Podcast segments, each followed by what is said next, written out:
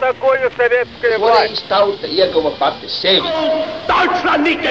Liktenīgas nejaušības un slēptas likumsakarības, subjektīvas patiesības un objektīvi aizspriedumi.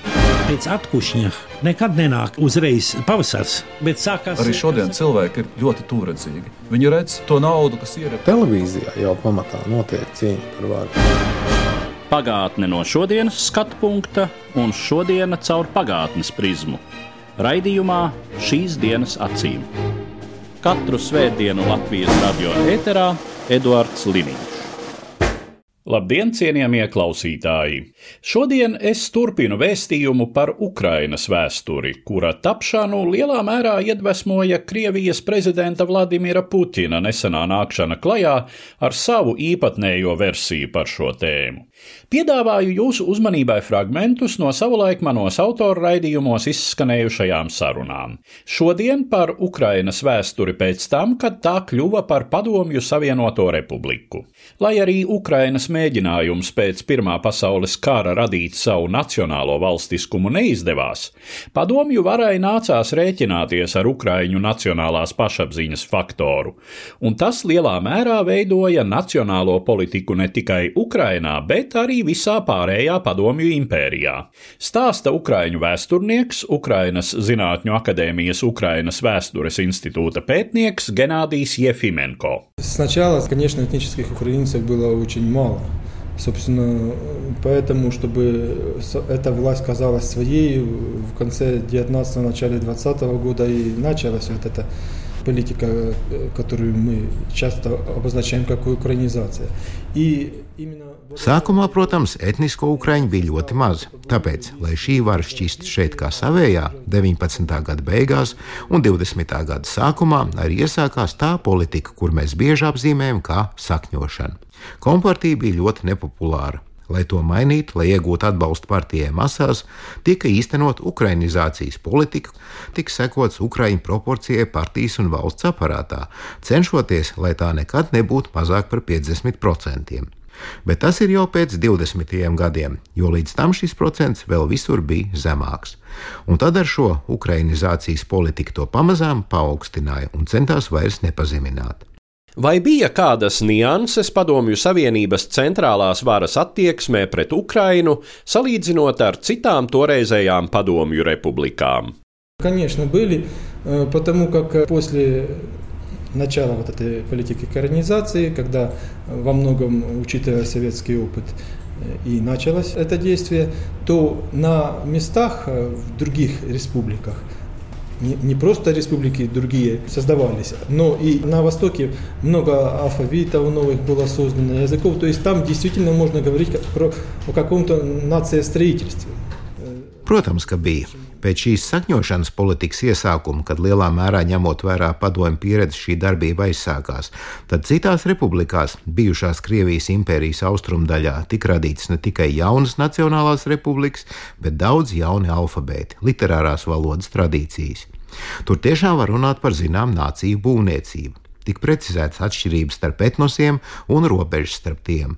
Taču, ja tur tas viss tika veicināts, tad Ukrainā jau faktiski sākot ar 23. gadu tas viss tika slāpēts. Kopš kura brīža mēs vērojam tendenci vai jau konkrētu politikas pavērsienu prom no tās augtās ukrainizācijas, rusifikācijas virzienā? Тут вопрос о том, что такое украинизация. То есть, если мы под словом украинизация понимаем развитие украинской культуры, вольное развитие, независимое в значительной степени или менее зависимое от партийной вертикали власти, то это, ну, это можно с 29-го начинать. Te ir jautājums, kas īsti ir ukrainizācija?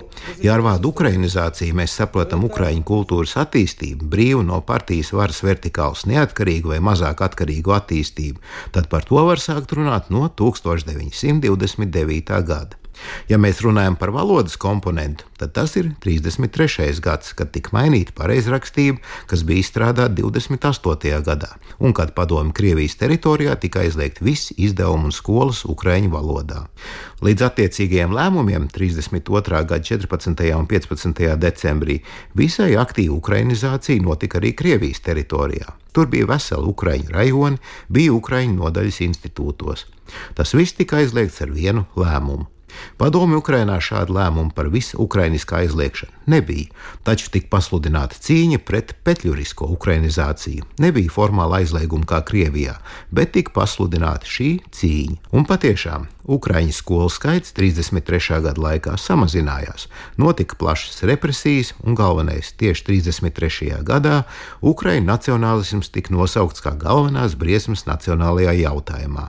Ja agrāk formāli par tādām briesmām tika dēvēts lielkrievu šovinisms, tad tagad tas bija Ukraiņu nacionālisms. Bet kategoriski tika noraidīts jautājums par to, ka tiktu pārtraukta ukrainizācija. 35. un 36. gadā Kompartijas Kijavas apgabala pirmais sekretārs Postiševs pastāvīgi staigāja izšūtajā Ukraiņu kreklā. Ukraiņas kompartijas politbiroja sēžu protokoli tieši 30. gados ir Ukraiņu valodā. Tātad nevar runāt par ukrainizācijas pārtraukšanu.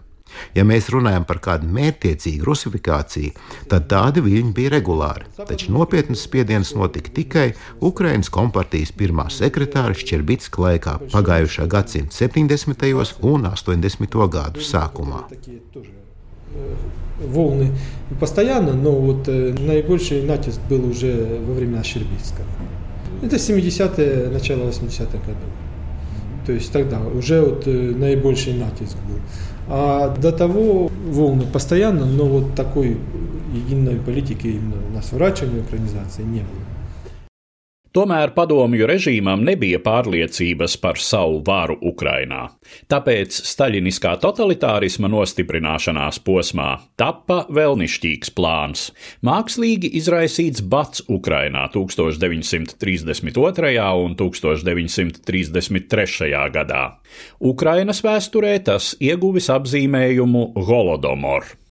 Мое мнение, в принципе, это же мнение проводит, хоть и не, не употребляет термин геноцид, Эпплбаум в своей книге, что это была война с украинцами.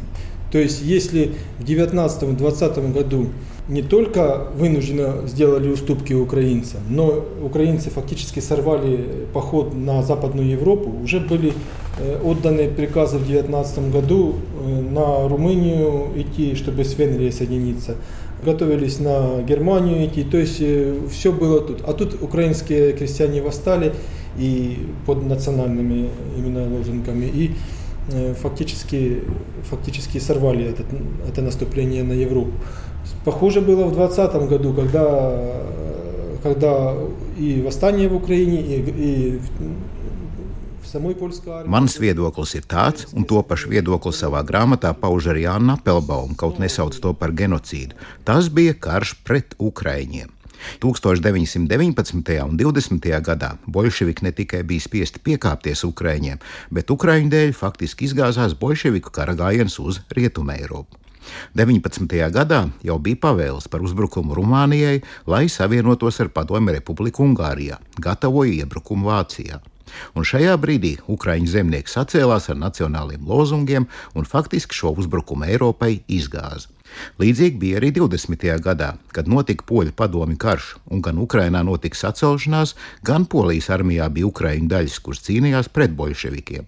Manuprāt, tieši 33. gadā, līdz ar kolektivizācijas sākumu, ko mēs dēvējam par otro komunistisko triecienu uzbrukumu, izskatījās, ka šī situācija var atkārtoties. Tātad tas bija preventīvs solis, iznīcinot daļu no Ukraiņu tautas ar mērķi iebiedēt pārējo daļu un tādējādi nepieļaut iespējamo Padomju Savienības sabrukumu. Turpināt plānoto komunismu celtniecību, kurai traucēja Ukraiņi un nacionālajā politikā pietuvoties visu nāciju saplūšanas mērķim.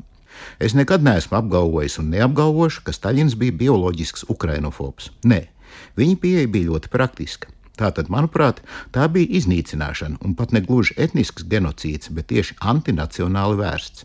Tik iznīcināts tas iedzīvotājs slānis, kurš varēja vēlēties un spēt pārvērst to efimēro Ukraiņas valstiskumu, kāds bija Ukraiņas Padomju Socialistiskā republika, par reālu un tādu, kas atdalītos no Padomju Savienības jo noskaņojums tobrīd Ukrainā bija ļoti antikomunistisks. Lai nepazaudētu Ukrainu, kas neizbēgami nozīmētu arī varas zaudēšanu Krievijā, tika īstenot šī masu slepkavošana ar badu. Tajā laikā tika uzsākts kurs uz preču ražošanas likvidāciju, un attiecīgi visi valstī nepieciešamie produkti tika piespiedu kārtā atņemti. Šo rekvizīciju rezultātā zemkopi, lai tie būtu kolhozi vai atlikušie individuālie zemnieki, zaudēja ražošanas spēju. Kāda jēga bija ko darīt, ja atņēma visu, tobrīd atstājot tikai iztikai nepieciešamo? 30. un 31. gadā lauciniekiem vēl atstāja tikai nepieciešamo. 32. gadā zemnieki pamatā īstenoja sabotāžu vai katrā ziņā neizrādīja nekādu entuziasmu pildīt plānu. Un tad tik mākslīgi radīta bada situācija. Bija simti tūkstoši nāves gadījumu, kur iemesls bija visas labības rekvizīcija. Tika atņemti visi labības krājumi, kurus izmantoja industrializācijas vajadzībām un iekļauts centralizētajos valsts fondos. Taču tas viss, protams, atkal pastiprina protestu noskaņojumu, un, ja ļaudis nesaceļas, tad tāpēc, ka vienkārši nav spēka. Tačу pretpadomju noskaņojums nekur nebija pazudis. возник, усиливает протестное настроение. И если люди не повстали, то просто потому что ну, сил нет. А вот настроение антисоветское вот это осталось. И в, начале, в конце 1932-го, начале 1933 года было создано режим так званый черный дождь сначала для, на отдельных районах Украины в 1932 году, а потом с 1 января на всей Украине, когда реквизировались фактически не только зерновые запасы, которые могли сыграть свою роль Tad 32. gada beigās, atsevišķās vietās, un 33. gada sākumā jau visā Ukrainā tika ieviests tā saucamais melno dēļu režīms. Sāka atņemt ne tikai labības krājumus, kuriem varēja būt pielietojams industrializācijas procesā, bet jebkādu pārtiks krājumu. Tā jau bija slepkavošana, nomērdējot badā tika atņemta visa pārtika, pie robežām izvietot karaspēka posteņi, kas nelaid nevienu cauri. Ukraiņiem bija aizliegts izbraukt pēc pārtiks uz kaimiņu republiku teritoriju. Tos, kuriem izdevās izkļūt ārā, ķēra atceļā un atņēma nopirkto pārtiku. Un pēc tam šo situāciju nodēvēja par lauksaimnieciskās ražošanas pārāvumiem, pie kuriem esot vainīgi, kā tika apgalvots, Ukrāņu nacionālisti. Vaina par to, ko visi zināja, bet vārdā nesauca par tautas badnāvēm, tika uzvelta tieši nacionālistiem. Šī sasaiste, Ukraiņu nacionālists un vaina par Golodomoru, tika pamatīgi iedzīta cilvēku prātos un iespējams kādā mērā turpināja ietekmēt cilvēkus. Tās bija bailes, kas tika nodotas no paudzes paudzē. Nedod Dievs padomi Ukrainā tikt par nacionālistu. Un kopš 1933. gada līdz pat Padomju Savienības sabrukumam Ukraiņu nacionālisms pastāvīgi tika piesaukts kā lielākās briesmas. Man nav zināms neviens gadījums, kad Ukrainā šajā laika posmā kāds būtu notiesāts par krievu šovinismu. Savukārt par ukraiņu nacionālismu šādu spriedumu ir ļoti, ļoti daudz. Cik liels pēc šodienas priekšstatiem bija upuru skaits?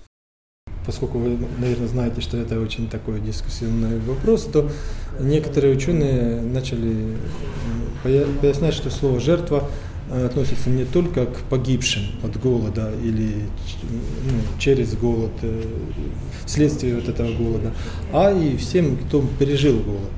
То есть, если говорить именно о надсмертности, то есть э, та, э, то количество смертей, которое было больше от такого рядового, то вот этот демографы, на мой взгляд, наши. Jūs droši vien zināt, ka tas ir ļoti diskutēts jautājums. Daži vēsturnieki skaidro, ka jēdziens upuris ir attiecināms ne tikai uz tiem, kas miruši badā vai no bada izraisītām komplikācijām, bet arī visiem, kas šo badu ir pārdzīvojuši. Ja runājam par tīro nāves gadījumu skaitu, respektīvi mirstības pieaugumu, kas pārsniedz normālos statistiskos rādītājus, tad mūsu demografi to ir novērtējuši salīdzinoši precīzi. Viņi lēš, ka no 32. līdz 34. gadam tie ir 3 miljoni 941 tūkstotis. Šis skaitlis ietver tos, kuri miruši papildus normālajiem mirstības rādītājiem, kāda varēja būt šajā laika periodā, kā arī apmēram 600 tūkstoši nepiedzimušo, kur varēja piedzimt, ja apstākļi būtu normāli. Manuprāt, tas šobrīd ir vispamatotākais vērtējums. Kā un kādās formās padomju Ukrainas mantojums visvairāk joprojām izjūtams šodienas Ukrainas situācijā? Я уже не специалист э, по современному времени, но, на мой взгляд, есть две, два слоя.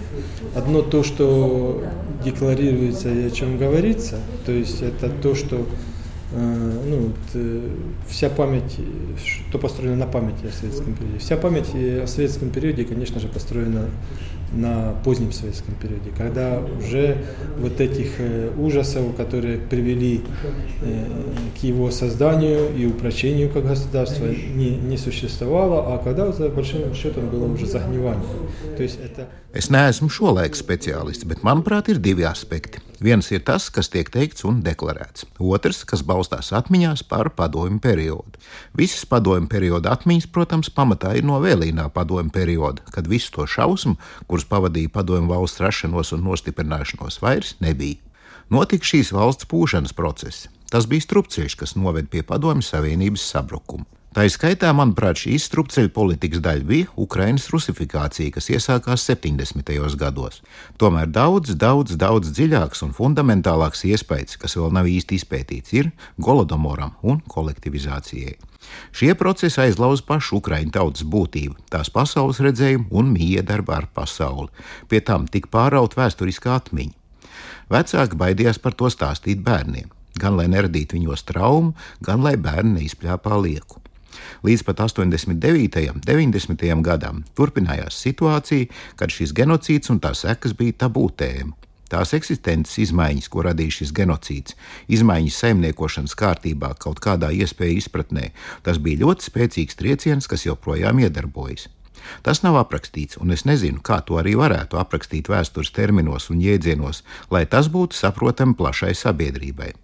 Milzīgs trieciens, kas neredzam turpina ietekmēt. Tas arī tas, ko jau piesauktais Džeims Meijs sauc par postgenocīda sabiedrību. Tie ir ļaudis, kur visu laiku nedaudz baidās. Tas nav kā piemērā ar ebrejiem, kad holokausts ir ticis gluži otrādi apzināti padarīts par nācijas identitātes daļu, un cita starpā likts arī nacionālās valsts pamatos. Pie mums tas bija ilggadējs tabū, Pie tam tas nebija tikai sabiedrības pašpieņemts tabū. Par šādiem stāstiem persona varēja samaksāt ar brīvības atņemšanu par, kā toreiz teica, pretpadomju aģitāciju un propagandu.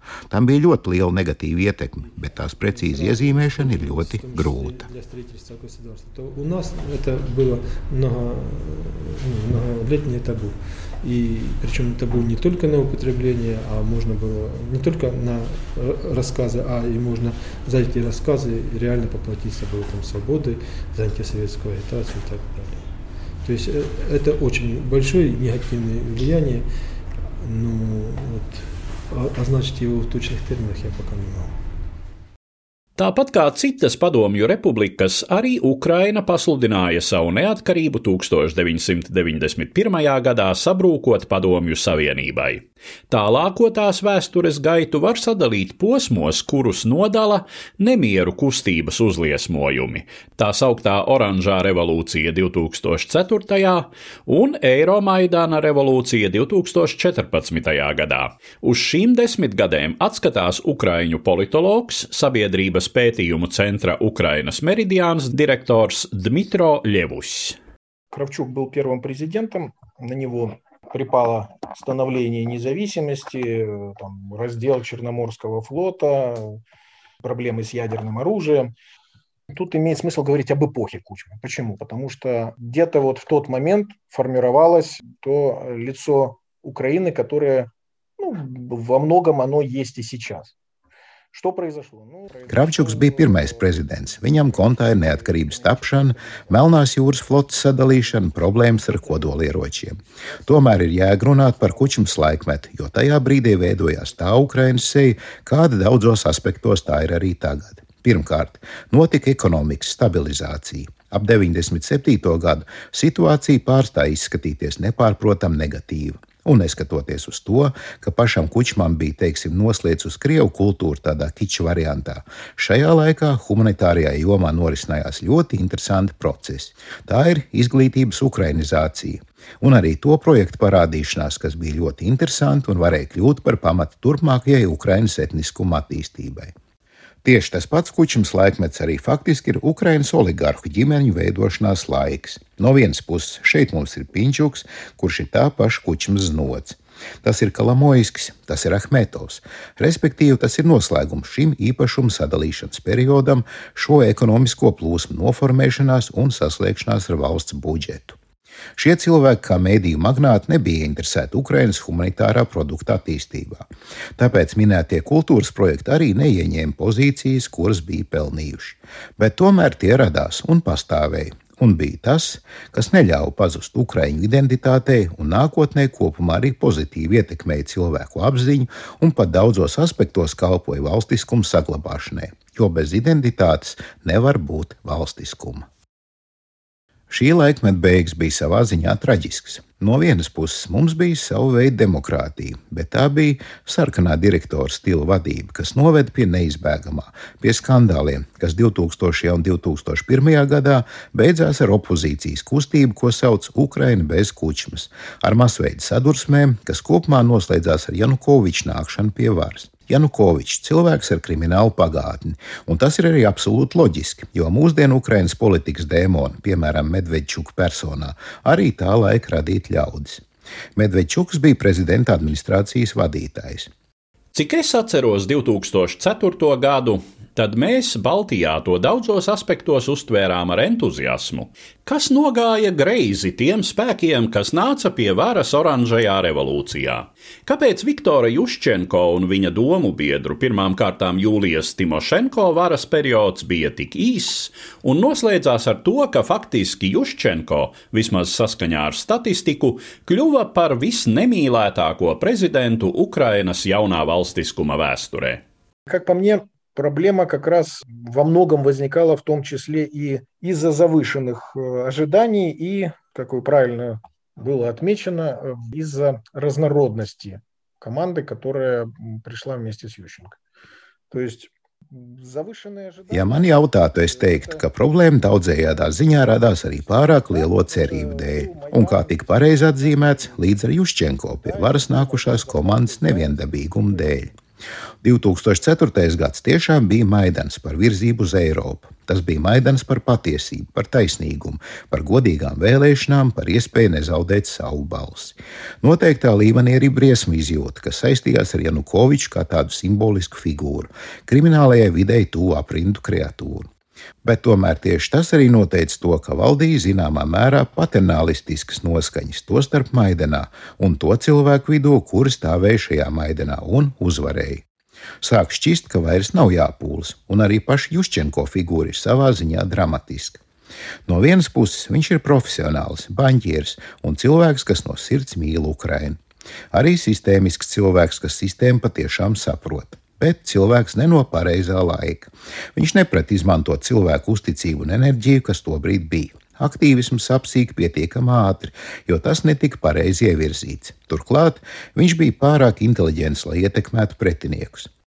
Un, protams, svītas ambīcijas. Pirmkārt, Jūlija Timošenko, kas daudzējādā ziņā bija arī Maidana seja.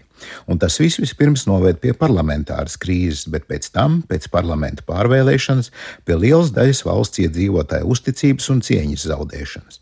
Bet interesanti ir tas, ka tagad attieksme pret Viktoru Juščenko ir daudz labāka. Jo pirmkārt, no distances kļūst skaidrāk saskatām tā dramatiskā situācija, kad viņš šajā grūtajā brīdī pārņēma varu. Un gal galā šajā periodā bija diezgan liels sasniegumi, kas attiecās uz humanitāro sfēru, identitāti. Tieši viņa varas laikā Golodomora pieminēšana iegūta tādu vispār nacionālu mērogu. Janukoviča atgriešanās nu jau prezidenta valsts galvas statusā, cik lielā mērā tas bija Ukrainas pagrieziens Krievijas virzienā? Я не думаю, что все было прямо так э, однозначно. Вспоминая себя образца 2010 года, свои размышления о внешней политике, я, например, как раз говорил, что есть э, логика государственной должности, которая не позволит Януковичу сделать определенные шаги или радикально поменять vektoru развития. И, kстати, до какого-то момента... Es nedomāju, ka viss bija tik viennozīmīgi. Starp citu, atceroties sevi 2000. gadā un savus pārdomus par ārpolitiku, es, piemēram, tolaik teicu, ka pastāv tāda valsts amata loģika, kas neļaus Janukovičam spērt noteikts soļus vai radikāli mainīt attīstības vektoru. Un, starp citu, līdz noteiktam brīdim šī loģika daļēji darbojās. Lai gan diezgan ātri kļuva manāms, ka patiešām tas bija pagrieziens Krievijas virzienā. Pietiek atgādināt Harkovas vienošanos, saskaņā ar kuru Ukraina pagarināja Melnās jūras flotes uzturēšanos savā teritorijā, Sevastopols pilsētā un vēl dažas lietas bet kāda radikāla iekšējās humanitārās politikas, Ukrainas principu noārdīšana nenotika. Protams, vide, līdz ar kuru veidojās Janukovičs, šīs vidas nepiesātināma alkatība noteica šo vadības stilu, mafiozumu, korupciju, kas galu galā vienkārši sāk šausmināt cilvēkus. Neskatoties uz to, līdz noteiktam brīdim ārpolitikā joprojām valdīja veselais saprāts. Atteikšanās no integrācijas mēģinājuma ar Eiropu tā bija diezgan negaidīta, un dīvainā kārtā tieši tā noveda pie Eiromaidana. Un tad jau atkal sāk darboties ārējie faktori. Šī skarbā vēršanās pret Maidanu, ko veids Janukovičs. Tas ir mans personīgais vērtējums, bet es uzskatu, ka tas noteikti tika izdarīts pēc Maskavas ieteikuma. Tas ir pilnīgi un galīgi neņemot vērā mentalitātes atšķirības starp krieviem un ukraiņiem. Kremlī sprieda, ja jau Maskavā iet cauri opozīcijas mītīņu izdzenāšana, tad Kijevā var tāpat nesaprotot, ka, ja Kijavā ļaudis iziet maidenā, tad viņos ir visaptveroša netaisnības izjūta. Un šajā sakarā mēs atkal redzam momentu, kad Kremlis Ukrainu nesaprot no taktiskā viedokļa. Varēja taču neatteikties no tās Eiropas integrācijas tik deklaratīvi, bet pēc tam to vienkārši klusiņām nomērdēt. Tāpēc es domāju, ka arī šis periods bija savā ziņā loģisks, un tā traģiskās beigas pilnībā nosaka tas, ko Maskava sauc par vadību no ārpuses. Tikai nes kāpēc Maskava vienmēr ar to domā par vadību no rietumiem, bet šeit ir tieši Kremļa vadības rezultāts. Notikumi, kas sekoja Eiromaidanam, Krievijas agresija, Krīmas aneksija, karš, tā, protams, ir atsevišķa ļoti liela tēma. Prezidents Porošenko šķita loģisks, ļoti piemērots šai ilgstošajai krīzes situācijai. Ar ko Ukrainas sabiedrību pārliecināja tagadējais prezidents Volodimirs Zelenskis. Если говорить о периоде президентства Порошенко, то да, я считаю, что он действительно оказался в том э, месте и в нужное время. То есть это человек с соответствующим опытом и бизнеса, и успешного бизнеса, причем Ja runājām par Porošenko prezidentūras periodu, tad es uzskatu, ka viņš tiešām bija cilvēks īstajā vietā un laikā. Cilvēks, kuram ir attiecīgi veiksmīga biznesa pieredze, nevis tikai kāda apšaubām oligarha renti. Viņam ir ievērojama darba pieredze un atbilstoša diplomātiskā izglītība. Viņš ir bijis ārlietu ministrs un, kā laimīgā kārtā izrādījās, arī pareizā Ukrainas izjūta garīgā līmenī. Viņu vadībā tika apturēta Krievijas agresija un izveidota starptautiska atbalsta koalīcija. Pabeigt pārēju uz izglītību Ukraiņu valodā, un pats galvenais - Ukrainas nepārtrauktības uztvere. Šodienas Ukrainas sasaista ar neatkarīgo Ukrainu 1918. un 1920. gadā. Zelenskis daudzajā ziņā ir mediju produkts, tā skaitā viņu izvirzījušo Ukrainas oligarhu radīts. Turklāt tas nav tik daudz Zelenska reitings, cik Porošenko antireitings, kas tostarp ar oligarhu mediju palīdzību ir veidots kopš 2016. gada. Un ir zināms, es uzskatu kļūdas, uztverot Ukraiņas pilsoņus kā tādus, kuriem šī Ukraiņu identitātes konstruēšana ir visiem ļoti svarīga. Tas droši vien daļēji tika pārvērtēts. Tomēr ārpolitikā Zeļenskim ir zināma panākuma. Krimas deokupācijas jautājuma aktualizācija, ko neizdarīja vai kam nebija laika Porošenko. Tu visu laiku pieskaries Ukrainas identitātes jautājumam. Kā tu vērtē Украиnas идентитатес pašreizējo stāvokli? Я думаю, что украинская идентичность, она действительно до конца сформировалась. В 2014 году Украина доказала, что украинская идентичность – это не что-то региональное. Да, есть региональные идентичности, но она действительно существует и объединяет людей. Сейчас, ну, наверное, Es domāju, ka Ukraiņas identitāte patiešām ir pilnībā izveidojusies. Turklāt 2014. gadā Ukraina pierādīja, ka tās identitāte nav kaut kas reģionāls. Ka jā, pastāv arī reģionāla identitāte, bet tomēr visaptveroša valsts identitāte patiešām pastāv un apvieno cilvēkus. Šobrīd laikam gan ir zināms Ukraiņas identitātes pārbaudas brīdis. Es te runāju ne tikai par etnogrāfiju, bet arī no politiskā viedokļa, pat no politiskās kultūras viedokļa. Tāpat maidana kultūra, kam Kremļa apsvērumos vispār nav vietas. Bet es domāju, ka tagad ir pārbaudījuma brīdis. Mēs joprojām piedzīvojam ekonomiskas problēmas, mēs piedzīvojam globālas problēmas, šo koronavīrusu, varas maiņu ASV. Notikumi Karabahā parādīja, ka mums tuvākajā reģionā nekļūs drošāk. Bet es domāju, ka tā kā tā jau ir tapusi, šos pašreizējā globālās krīzes perioda pārbaudījums Украиnas identitāte izturēs. Но я думаю, что поскольку она состоялась, то все-таки это испытание глобального мирового кризиса украинская идентичность однозначно вынесет. Līdz ar to izskan mūsu raidījums, kas bija veltīts Ukrainas vēstures tēmai. Dzirdējāt vēsturnieku Ukrainas Zinātņu akadēmijas Ukrainas vēstures institūta pētnieku Genādiju Jefimenko un politologu Sabiedrības pētījumu centra Ukrainas meridiāns direktoru Dmitro Ļevušu. Uz redzēšanos, cienījamie klausītāji! Katru svētdienu Latvijas radio viens par pagātni sarunājas Eduards Liniņš.